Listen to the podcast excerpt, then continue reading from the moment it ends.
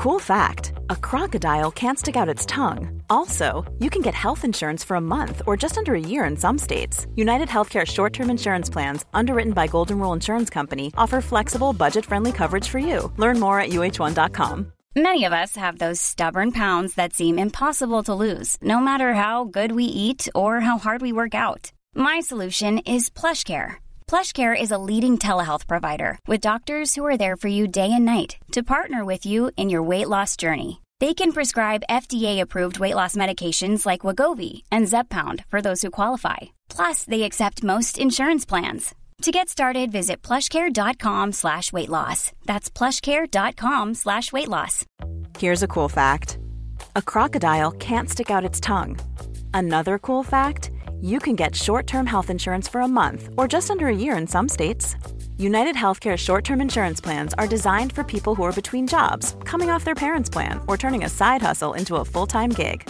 Underwritten by Golden Rule Insurance Company, they offer flexible, budget friendly coverage with access to a nationwide network of doctors and hospitals. Get more cool facts about United Healthcare short term plans at uh1.com.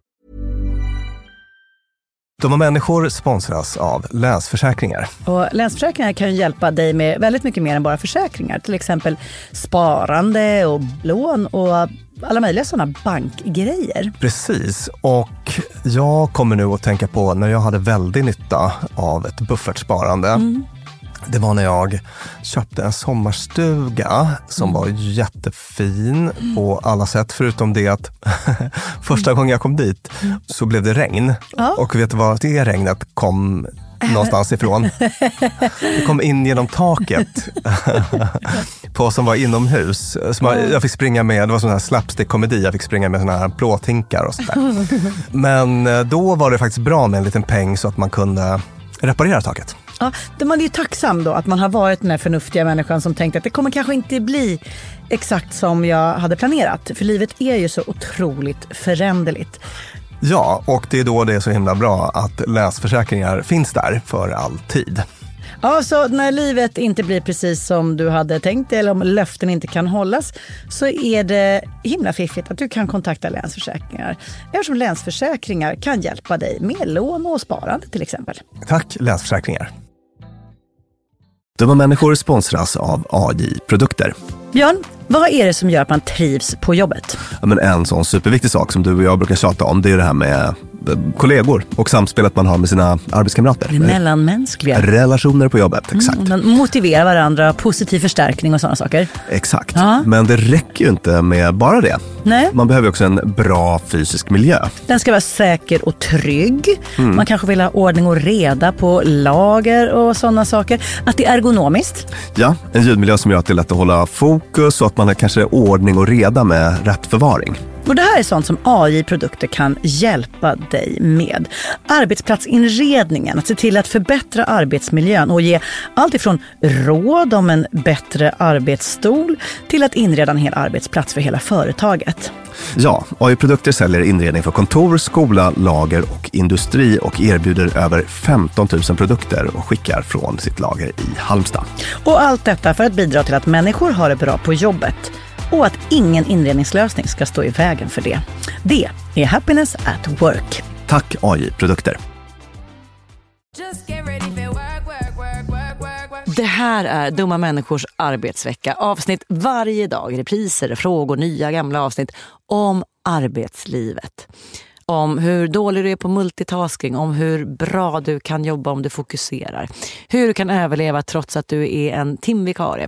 Massa sånt där tar vi upp nu, varje dag hela veckan. Och idag, så här i mitten av veckan, har vi kommit till ett arbetsmiljöproblem som jag tror varenda en av oss känner igen oss i. Du har fått en jobbig kollega. Hej dumma människor!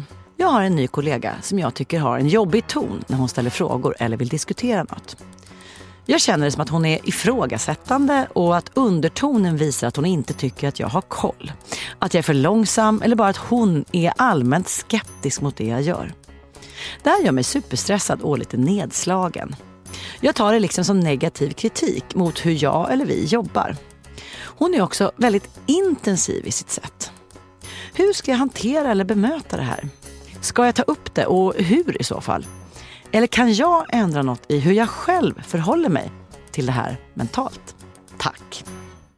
Ja, jag tänker ju direkt på det här med undertonen som vi pratade om. Ja. Du minns vårt avsnitt om rösten? Ja. Där vi konstaterade att hur man säger något är Mm. lika betydelsefullt som vad man faktiskt säger. Just det. Och att det fanns massa rolig forskning om det där. Så att om jag säger till exempel, ska jag hjälpa till att duka eller? Eller jag säger, ska jag hjälpa till att duka eller? Bå, båda grejerna är skitkonstiga. Ja, Båda grejerna jag säga. men du hade konstig röst, det hade du faktiskt. Ja, det hade jag. Men den första kändes ju eh, Än jobbigare. väldigt aggressiv, eller hur? Ja. Och den andra kändes eh, väldigt hurtig och hjälpsam kanske. båda var konstiga. Vi lyssnar en gång till. Ska jag hjälpa till att duka eller? Eller om jag säger, ska jag hjälpa till att duka eller? Ja, ja, det var meningen att den första skulle vara passivt aggressiv och den andra skulle vara glatt, hurtfriskt, hjälpsam. Så. Gick du scenskolan någonsin Björn? Nej, jag gjorde aldrig det. Där har vi kanske svaret på varför. Men det som är så lurigt med det, och det här tog vi upp i vårt avsnitt om just passiv aggressivitet, tror jag, att då kan jag ju... Jag har väl inte sagt något fel? Nej just det. Jag frågade bara när projektet skulle vara klart. Eller- Exakt. ja. Men att det är något i tonen som känns um, aggressivt. Och det finns typ inget svårare än att påpeka det. Mm. Varför har du så konstig ton? Eh, va? Säger någon då som genast ställer om tonen till en mycket mysigare ton. Ja. Och så har man inte spelat in vad den här alldeles nyss sa. Alltså det, åh, det, Ja, precis. ah, Det blir, snårigt. ett, det blir snårigt, ja. Och eh, vi återkommer till detta. Men det allra första lilla tankeregeln är den här då, att liksom ta spjärn mot sådär. Att vi kan inte fjärrstyra andra, men vi har kontroll över vårt eget beteende. Mm, Så det har vi som en liten... Vi tar med oss just den. det. Och med, när du säger fjärrstyra så skulle, kan man tänka förändra andra, eller vadå? Eller hur? Ja, alltså Ja. jag skulle vilja att den här kollegan inte har en jobbig underton. Jag kan Ja. liksom inte trycka på en knapp så att det blir så. Det är det jag menar med att Men samtidigt som att vi människor ju förändrar oss själva lite varje dag och att det måste ju ske för att vi har fått stimuli eller ostimuli av Mm. andra. Mm. Precis, så att man kan ha liksom en indirekt påverkan. Ja. Det är det jag menar, att vi har, liksom, vi har kontroll över vårt eget beteende. Mm. I den här relationen då, så de har någon typ av koreografi. Brevskrivaren och kollegan. Mm. De har sin lilla dans. Det är en ganska ny dans, för det, här, det var, visst var det någon som hade börjat? Det var en ny, Ja, en ny kollega, ny precis. kollega Mm. som nyss har börjat. Och då kan man också tänka sig att kontexten så det är lite, det är lite nervigt. Ja. När man är ny, man vill bevisa sig, man vill vara på tårna. Mm. Och när det kommer en ny kollega så vill man också så att man vill inte att någon ska komma in och bara ah, hur sjutton gör ni det här? Man vill visa att just här har vi koll. Så det är en situation som är lite, lite stress Ja, där. precis. Och vi kan faktiskt gå lite längre ner på min tipslista direkt. Ja. För att nu sa du något som snuddade vid det här. Hur tror du att jag för den nya kollegan då? Ja, exakt. Alltså liksom att Komma dit och bara, ni Ja. har gjort det här i flera år, Mm. inte jag. Jag kanske är yngre eller jag kanske kommer från en annan bransch. Och, vill kliva. och ni vet exakt hur man gör saker och jag gör på alla ett har annat sitt sociala sätt. sammanhang. Ja. Jag vet Mm. inte ens vart kaffeautomaten ligger. Mm. Jag kanske är blyg. Ja. Så att, jag menar, det här kan vara en person som är, mitt tips var där att eh, liksom, göra en liten så här perspektivskiftesövning. Theory of mind. Theory of mind. För att ett problem här är ju att brevskrivaren tar det här personligt. Ja. Blir ledsen, va? var Mm. ordet. Nedslagen. Ja. Och då kan det verkligen hjälpa att liksom bara hoppa över till den andra personens huvud och, och tänka att den här personen är möjligen liksom nervös, blyg, osäker, jättestressad över allt man behöver lära sig när man kommer till en ny Mm. arbetsplats och så. Och det är inte säkert att det ursäktar eller liksom rättfärdigar hennes beteende, men, Mm. eller hans beteende. Men, men det kan ju vara en förklaring som gör att man inte Ja. behöver ta det så himla personligt. För det är ju helt avgörande. Om jag, jag har människor i min närhet som här, bara har en lite otrevlig ton. Som är lite så här, ja, ska jag fika eller? Alltså som, som låter så. Ja. Och om jag tolkar det som så här, nu skickar den ett budskap till mig om att jag är inte ett trevligt sällskap. Ja. Då blir jag nedslagen. Mm. Om jag istället tänker, det här är den här människans helt vanliga ton. Det är inte ett budskap till mig om att jag är värdelös. Nej. Då kan den få låta lite hur som helst. Och jag säger inte att det ena är bättre än det andra. Nej. Utan att det är skillnad. Om din avsikt är att göra mig illa eller att göra mig nedslagen. Eller om du bara är osäker och nervös. Eller om det är någonting som helt rör dig. Precis, alltså, vi pratade bara häromdagen om en uh, gemensam bekant som Mm. är så oerhört avmätt i sin hälsning så att man skulle kunna tolka det som en, nästan som en aggressionshandling. Ja. Men eh, det är förmodligen saker som pågår i Mm. andra ändan, borta hos den personen som gör att den beter sig så. Mm. Och inget, man behöver inte ta det ett dugg personligt. Och när man tänker så så bara rinner det av en som vatten från en gås. För det är ju så att när vi beter oss illa så gör vi ju inte det för att vi vill det oftast, utan vi gör ju det för att vi kanske är liksom blyga, ställda, nervösa, vill verka tuffa eller på annat sätt skydda, skydda våra liksom, bräckliga egon. Den förklaringsmodellen den är ju jättehärlig. Man Ja. tänker bara, åh här kommer bara en nervös ny kollega och bara låter lite sådär. Men det kan ju faktiskt vara så att den här nya kollegan tycker att det var ett jävla slappt gäng här. Ja. Mm. De vet inte, men jag ska minsann visa hur man går tillväga. Och den där typen tycker jag inte levererar, så nu ska jag markera det genom att låta lite kritisk. Alltså, det kan Mm. Ja, ja, ju också vara så att det är ett budskapssändande som pågår här. Absolut, då får man liksom ta reda på det. Ja, hur gör man det? För det är något du behöver göra hela tiden, varje dag. För att den här lilla övningen i perspektivskifte, den är ju inte svaret på allt. Men det är, liksom, det det är bara bra att ha med sig den. Ja. Den gör att jag ganska sällan, jag har tagit upp det i när vi har pratat om anger management, men jag, jag blir ganska sällan liksom kränkt. Ja, allt från trafiken till liksom alla möjliga människor. Jag bara, Björn hörde vad den där sa. Och du bara, Äh, men om, Jobbig om, om någon är den. otrevlig mot mig så, Ja. så, så fattar jag att det oftast inte har med mig att göra. Men ibland har det med mig att göra. Ja. Och, och jag vet det. Alltså, jag, har, jag har gjort något som jag kanske skäms lite över. Alltså, i- Ja, ibland, ja. ibland så biter det ju. Mm. Men, men, men, men ganska ofta är jag hjälpt av den här liksom, övningen i perspektivskifte. Då. Och kan man säga så här för att försöka sätta någon pusselbit på plats. Den övningen skadar liksom aldrig. Nej. Att tänka så. Nej. Sen så kanske det... Skulle, skulle det kunna vara något? Alltså bara ställa sig den frågan. Skulle det kunna vara något i den här personens situation som gör att hen beter sig på det här viset? Mm. För det, det är en ganska stor och fin tanke. Alltså när man Mm. tänker så, så är man stor, stark och snäll. Så man tänker att ah, det där är nog någonting som pågår i den människans liv. Ja. Samtidigt så behöver man ju... Alltså människor som går runt och är nedlåtande eller kritiska till höger och vänster, de behöver väl få...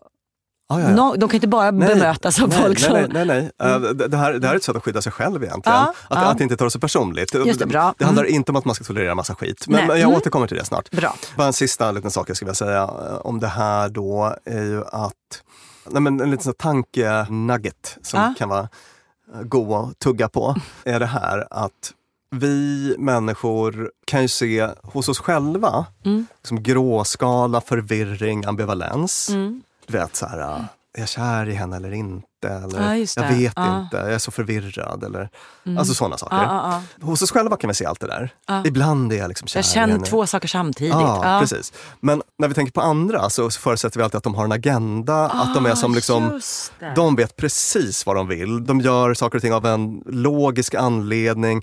Hen beter sig så här mot mig för att hen inte gillar mig. Alltså, alltså man förutsätter Ah, någon och det är den enda känslan som existerar i den personen. Just så att det. vi, vi, vi ser inte de där gråskalorna hos andra. Men det kan också lite på samma Ja. sätt hjälpa en faktiskt. Jättebra och vad sant Ja. det är Ja. att man tänker så. Ja, visst. Att man är jättedålig på att tänka att den kan vara både lite kär och lite rädd. Ja, Ja. precis. Mm.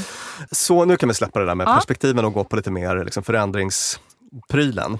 Att för att förändra henne så kan man ju då, eller nya kollegan, jag vet Ja. vad det nu är för kön på den. Vi kan inte trycka på en knapp har vi sagt. Nej. Men en sån här boss level grej att göra Mm. då, prata med den här personen enskilt. Uff. Jättesvårt, men jag skulle säga att de som är liksom mest psykologiskt mogna som jag har träffat i mitt liv, och de är fan inte så många, Nej. men liksom fem av hundra Ja. approcherar det här problemet på det här viset. Lennart, ska vi ta en fika? Har du tid i eftermiddag? Sitta ner och sen så bara adressera problemet ungefär så som brevskrivaren gjorde i brevet till oss. Ja.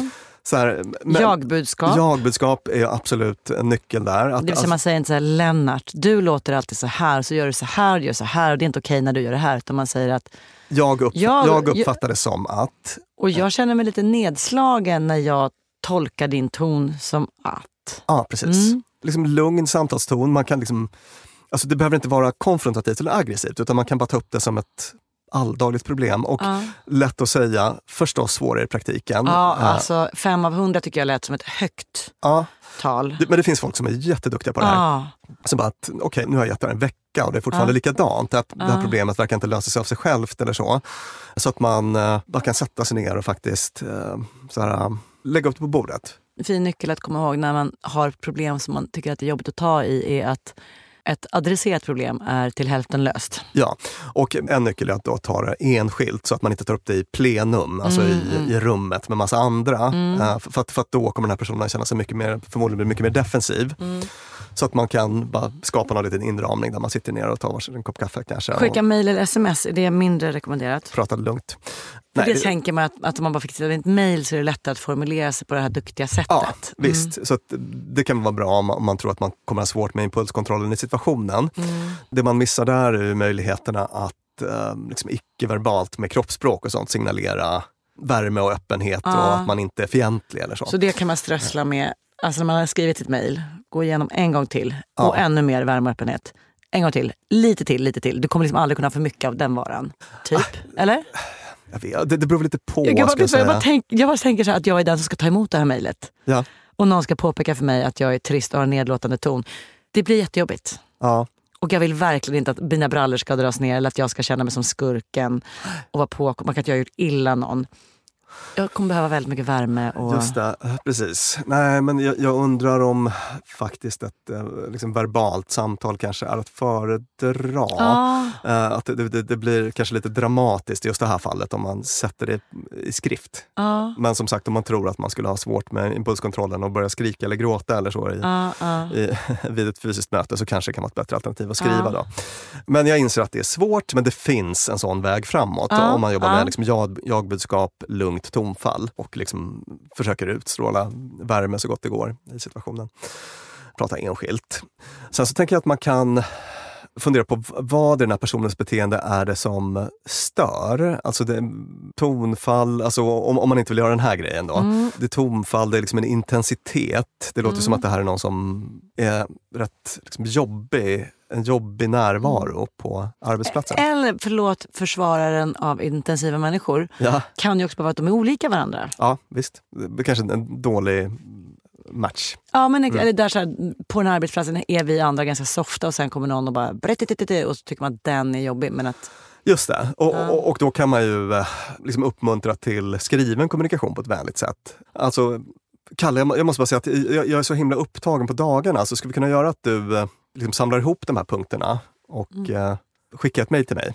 mm, Efter, alltså att, att man på något sätt släcker ut det här. eh, munpratandet som känns negativt. Mm. Just det. Mm. Precis. Man får tänka att det, det här, alltså om man ska göra en sån riktig analys, så, så det här beteendet har ju någon typ av funktion. Mm. Varför håller den här personen på på det här sättet? Mm. Är det så att hen är liksom osäker och vill markera kompetens på något sätt? Eller Mm.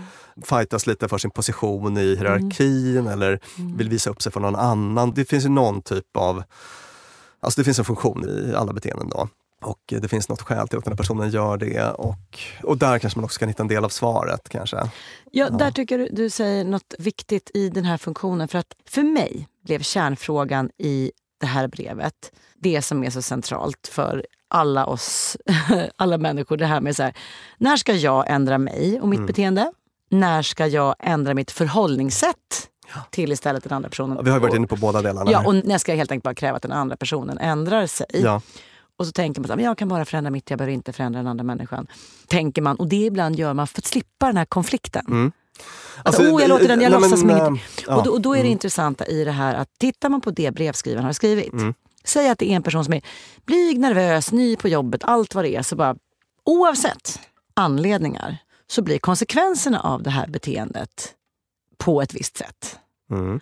Och att de konsekvenserna bör tydliggöras för människan som utför det här beteendet, nämligen låter negativ och så Ja, vidare. ja. Alltså, kort sagt, det är inte okej. Du kan inte gå runt och sprida en stämning där folk blir nedslagna. Nej. Eller ens där en på arbetsplatsen blir nedslagen. Och genom att veta om det så bara, wow, det var inte min mening. Det är bara att jag vill låta läcka, eller vad, vad det nu må vara. Mm. Att så, här, så även om brevskrivaren känner så här, oh, allting kanske bara är, är jag som behöver bara bli lite tuffare eller låta saker rinna av mig. Eller så, så bara, nej vet du vad, det är inte okej. Nej. Att du känner så här är ett kvitto på att någonting är ett problem och att det behöver adresseras. Mm. Eller hur?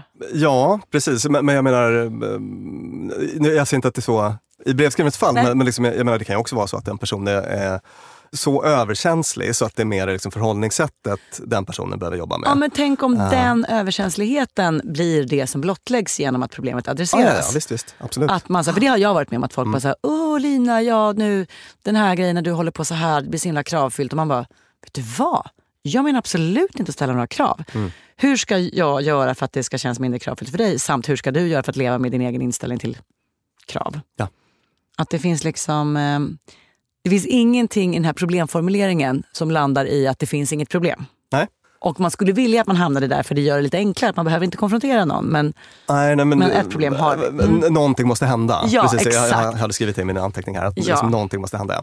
Precis, och bara tillbaka till det här med att släcka ut. Ett, Ja. ett annat sätt att göra det är att inte ge den här personen uppmärksamhet. Mm. För att, alltså det, det, det finns ju någonting då, som sagt, det finns en funktion, det är någonting som är belönande Mm, i det här beteendet för den här personen. Och oftast är det mest effektiva sättet att släcka ut ett jobbigt beteende, det är att inte ge det någon uppmärksamhet. Alltså att man Mm. och eh, där får man vara lite vaksam så att det inte blir extremt passivt aggressivt då. Mm, till exempel att man liksom helt ignorerar eller att man lämnar rummet eller så. Det kan vara en väl stark markering. Mm, Men, men att man kanske liksom svarar väldigt kort eller svarar kort och sen går undan eller att man kanske inte håller ögonkontakt. Eh, Vi hade en fredagsfråga för ett tag sedan om hur man gör för att bli mindre omtyckt. Ja, just det. Där, hade vi liksom en handfull punkter på hur man kan Mm. eh, icke-verbalt markera att eh, det här är ingenting som jag bryr mig om så mycket, det du säger nu. Och Mm. det tar bort massa belöning i det för prataren då, eh, som kommer ägna sig mindre åt det. Ja, det är väl egentligen Mm. det här jag har att säga här. Jag, jag har sopat fram några tips från eh, de föreläsningar du och jag brukar göra tillsammans Björn, där du säger så mycket briljant. Och också lite från min erfarenhet av att vara chef. För brevskrivaren säger också där att det här är en ny kollega. Då kan man tänka antingen så är det bara den nya kollegan eller så har det hänt lite saker på arbetsplatsen. Vilket gör att det här kanske är ett perfekt läge, rätta mig om jag har fel Björn, för en liten övning i att sätta gemensamma normer på arbetsplatsen. Ja. För tänk om den nya kollegan har arbetat på ett ställe där man minsann är väldigt kritisk och väldigt snabb och väldigt intensiv och väldigt tydlig. Och det bara är liksom så här kulturkrock. Att sätta gemensamma normer är något som jag har fått öva på allt från så här, när jag varit på popkollo till när man liksom har haft vettiga arbetsworkshopsledare. Eller så här, där man sätter sig ner alla i gruppen, det kan vara arbetsplatsen eller projektgruppen eller så, och pratar om hur ska vi jobba ihop. För då kan det synliggöras att den här kollegan minsann tycker att man ska kunna få vara lite kort i ton eller så, för hon tycker att man ska vara effektiv. Ja, ja. Och då kan också brevskrivaren få säga att så här, jag tycker att man ska vara respektfull och respektfull för mig är att man anstränger sig för att ha en ton som känns bussig. Ja. Alltså, och så sitter man i, i grupp och diskuterar det här just för att försöka landa i någonting som är en gemensam överenskommelse. Och det kan verkligen få effekt. För jag har haft en sån, så här, jag hade en period när jag var väldigt stressad så var det som att jag liksom ville att alla skulle fatta det. Och istället för att behöva säga så här, jag är stressad så var jag så här, gick med snabba steg, fladdrade med papper, satte mig hårt. Och, så här, och alla andra blev jättestressade av det. ja. Och om man sätter sig så i en ring och pratar om någon, så jag skulle vilja att vi har en arbetsplats där inte vi sprider stress. Och man bara, wow, vänta, och hur gör man, när sprider man stress? Alltså, Att diskutera de här beteendena, vad det leder till. ja, det. Att det har varit en väldigt bra grej. Ja. För då kan man också få liksom, på ett grupp och snällt vis diskutera hur man vill ha det. Utan att peka finger hit och dit. Otroligt bra, otroligt bra. Nummer två som jag också gjorde när jag var chef som hjälpte oss var att jag införde någon sån här sitta i ring, det här kan jag ha nämnt, men att man säger alla i arbetsgruppen får berätta så här, det här är saker som är bra att ni vet om mig. Ni ska veta att när jag blir stressad så börjar jag vifta med papper och det är inte för att ni ska göra någonting utan det är för att jag är på det här sättet. Eller när jag inte käkar. När jag säger jag behöver ingen lunch idag, låt mig inte komma undan. För äter jag inte så blir jag hopplös. Alltså, eller jag hade en gammal kollega som sa så här, jag låter så himla barsk. Jag har försökt ändra det men, men jag kan inte. Så att när jag säger så här, vad gör ni? Då menar jag inte, jag menar inte att vara så. Min avsikt är inte att sätta er på, eller att ni ska känna er nedslagna, utan det är bara hur jag låter. Och då blev allting så himla mycket lättare efter det. Eh, Så det var två tips från mig till brevskrivaren. Men vet du vad? Jag skulle vilja typ ha lite uppföljning på det här. Det vore så himla mysigt om brevskrivaren ville återkomma till oss. Just det.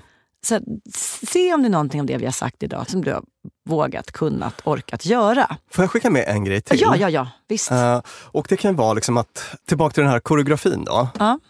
De här två har liksom i alla relationer precis börjat dansa en gemensam dans. Mm. Och nu är det skavigt. Och tillbaka till det där som man kan kontrollera, det vill säga Mm, en själv. själv, ja. I, ibland kan det vara en kanongrej att bara göra någonting helt oväntat. Mm. Liksom ta ett nytt steg av positiv karaktär. Ja. Så här, äh, alltså man kanske går och tar en ko- kopp kaffe, inte i akt och mening att läxa upp den här personen, utan att ha en trevlig stund. Mm. Kan inte du berätta, det? hur var det på ditt förra jobb? Ja. Eller liksom, vad tycker du om att göra på fritiden? Eller Mm. whatever. Liksom. Mm. Att, att bara ha en positiv interaktion mitt uppe i allt det här också. kan vara ett sätt att bara bryta det där och få någon typ av positiv spiral i en relation. Och Avslutningsvis då, eh, ett riktigt så här megatrick för att få någon som man tror inte tycker om en att tycka om en. Vi har ett helt avsnitt om det, nämligen vårt allra första om Benjamin Franklin-effekten. Jag tror typ att det passar in lite här. Och Det handlar om att du, brevskrivaren, ska be den nya kollegan om hjälp. Mer om det i vårt första avsnitt. Tusen tack för ett jättespännande och intressant brev. Hör gärna av dig igen och berätta hur det gick. Ris och ros vill vi ha. vi, vill, vi vill höra vad du vågade prova och hur det gick. Också lite som en blåslampa i rumpan på dig, brevskrivaren. Mm. Something's gotta give. Något måste hända. Tack som vanligt Björn för att du är så briljant och tack till Klara Wallin, vår producent och tack till Beppo där vi spelar in. Och vår kämpiga, flitiga, kreativa, kunskapsspäckade arbetsvecka fortsätter redan imorgon.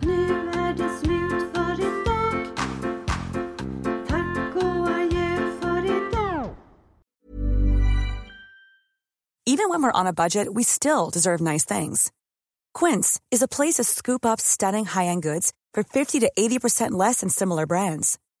They have buttery soft cashmere sweaters starting at $50, luxurious Italian leather bags, and so much more. Plus, Quince only works with factories that use safe, ethical, and responsible manufacturing. Get the high-end goods you'll love without the high price tag with Quince. Go to quince.com/style for free shipping and 365-day returns. Hold up. What was that? Boring. No flavor. That was as bad as those leftovers you ate all week. Kiki Palmer here, and it's time to say hello to something fresh and guilt-free. Hello Fresh. Jazz up dinner with pecan-crusted chicken or garlic butter shrimp scampi. Now that's music to my mouth. Hello Fresh. Let's get this dinner party started. Discover all the delicious possibilities at hellofresh.com.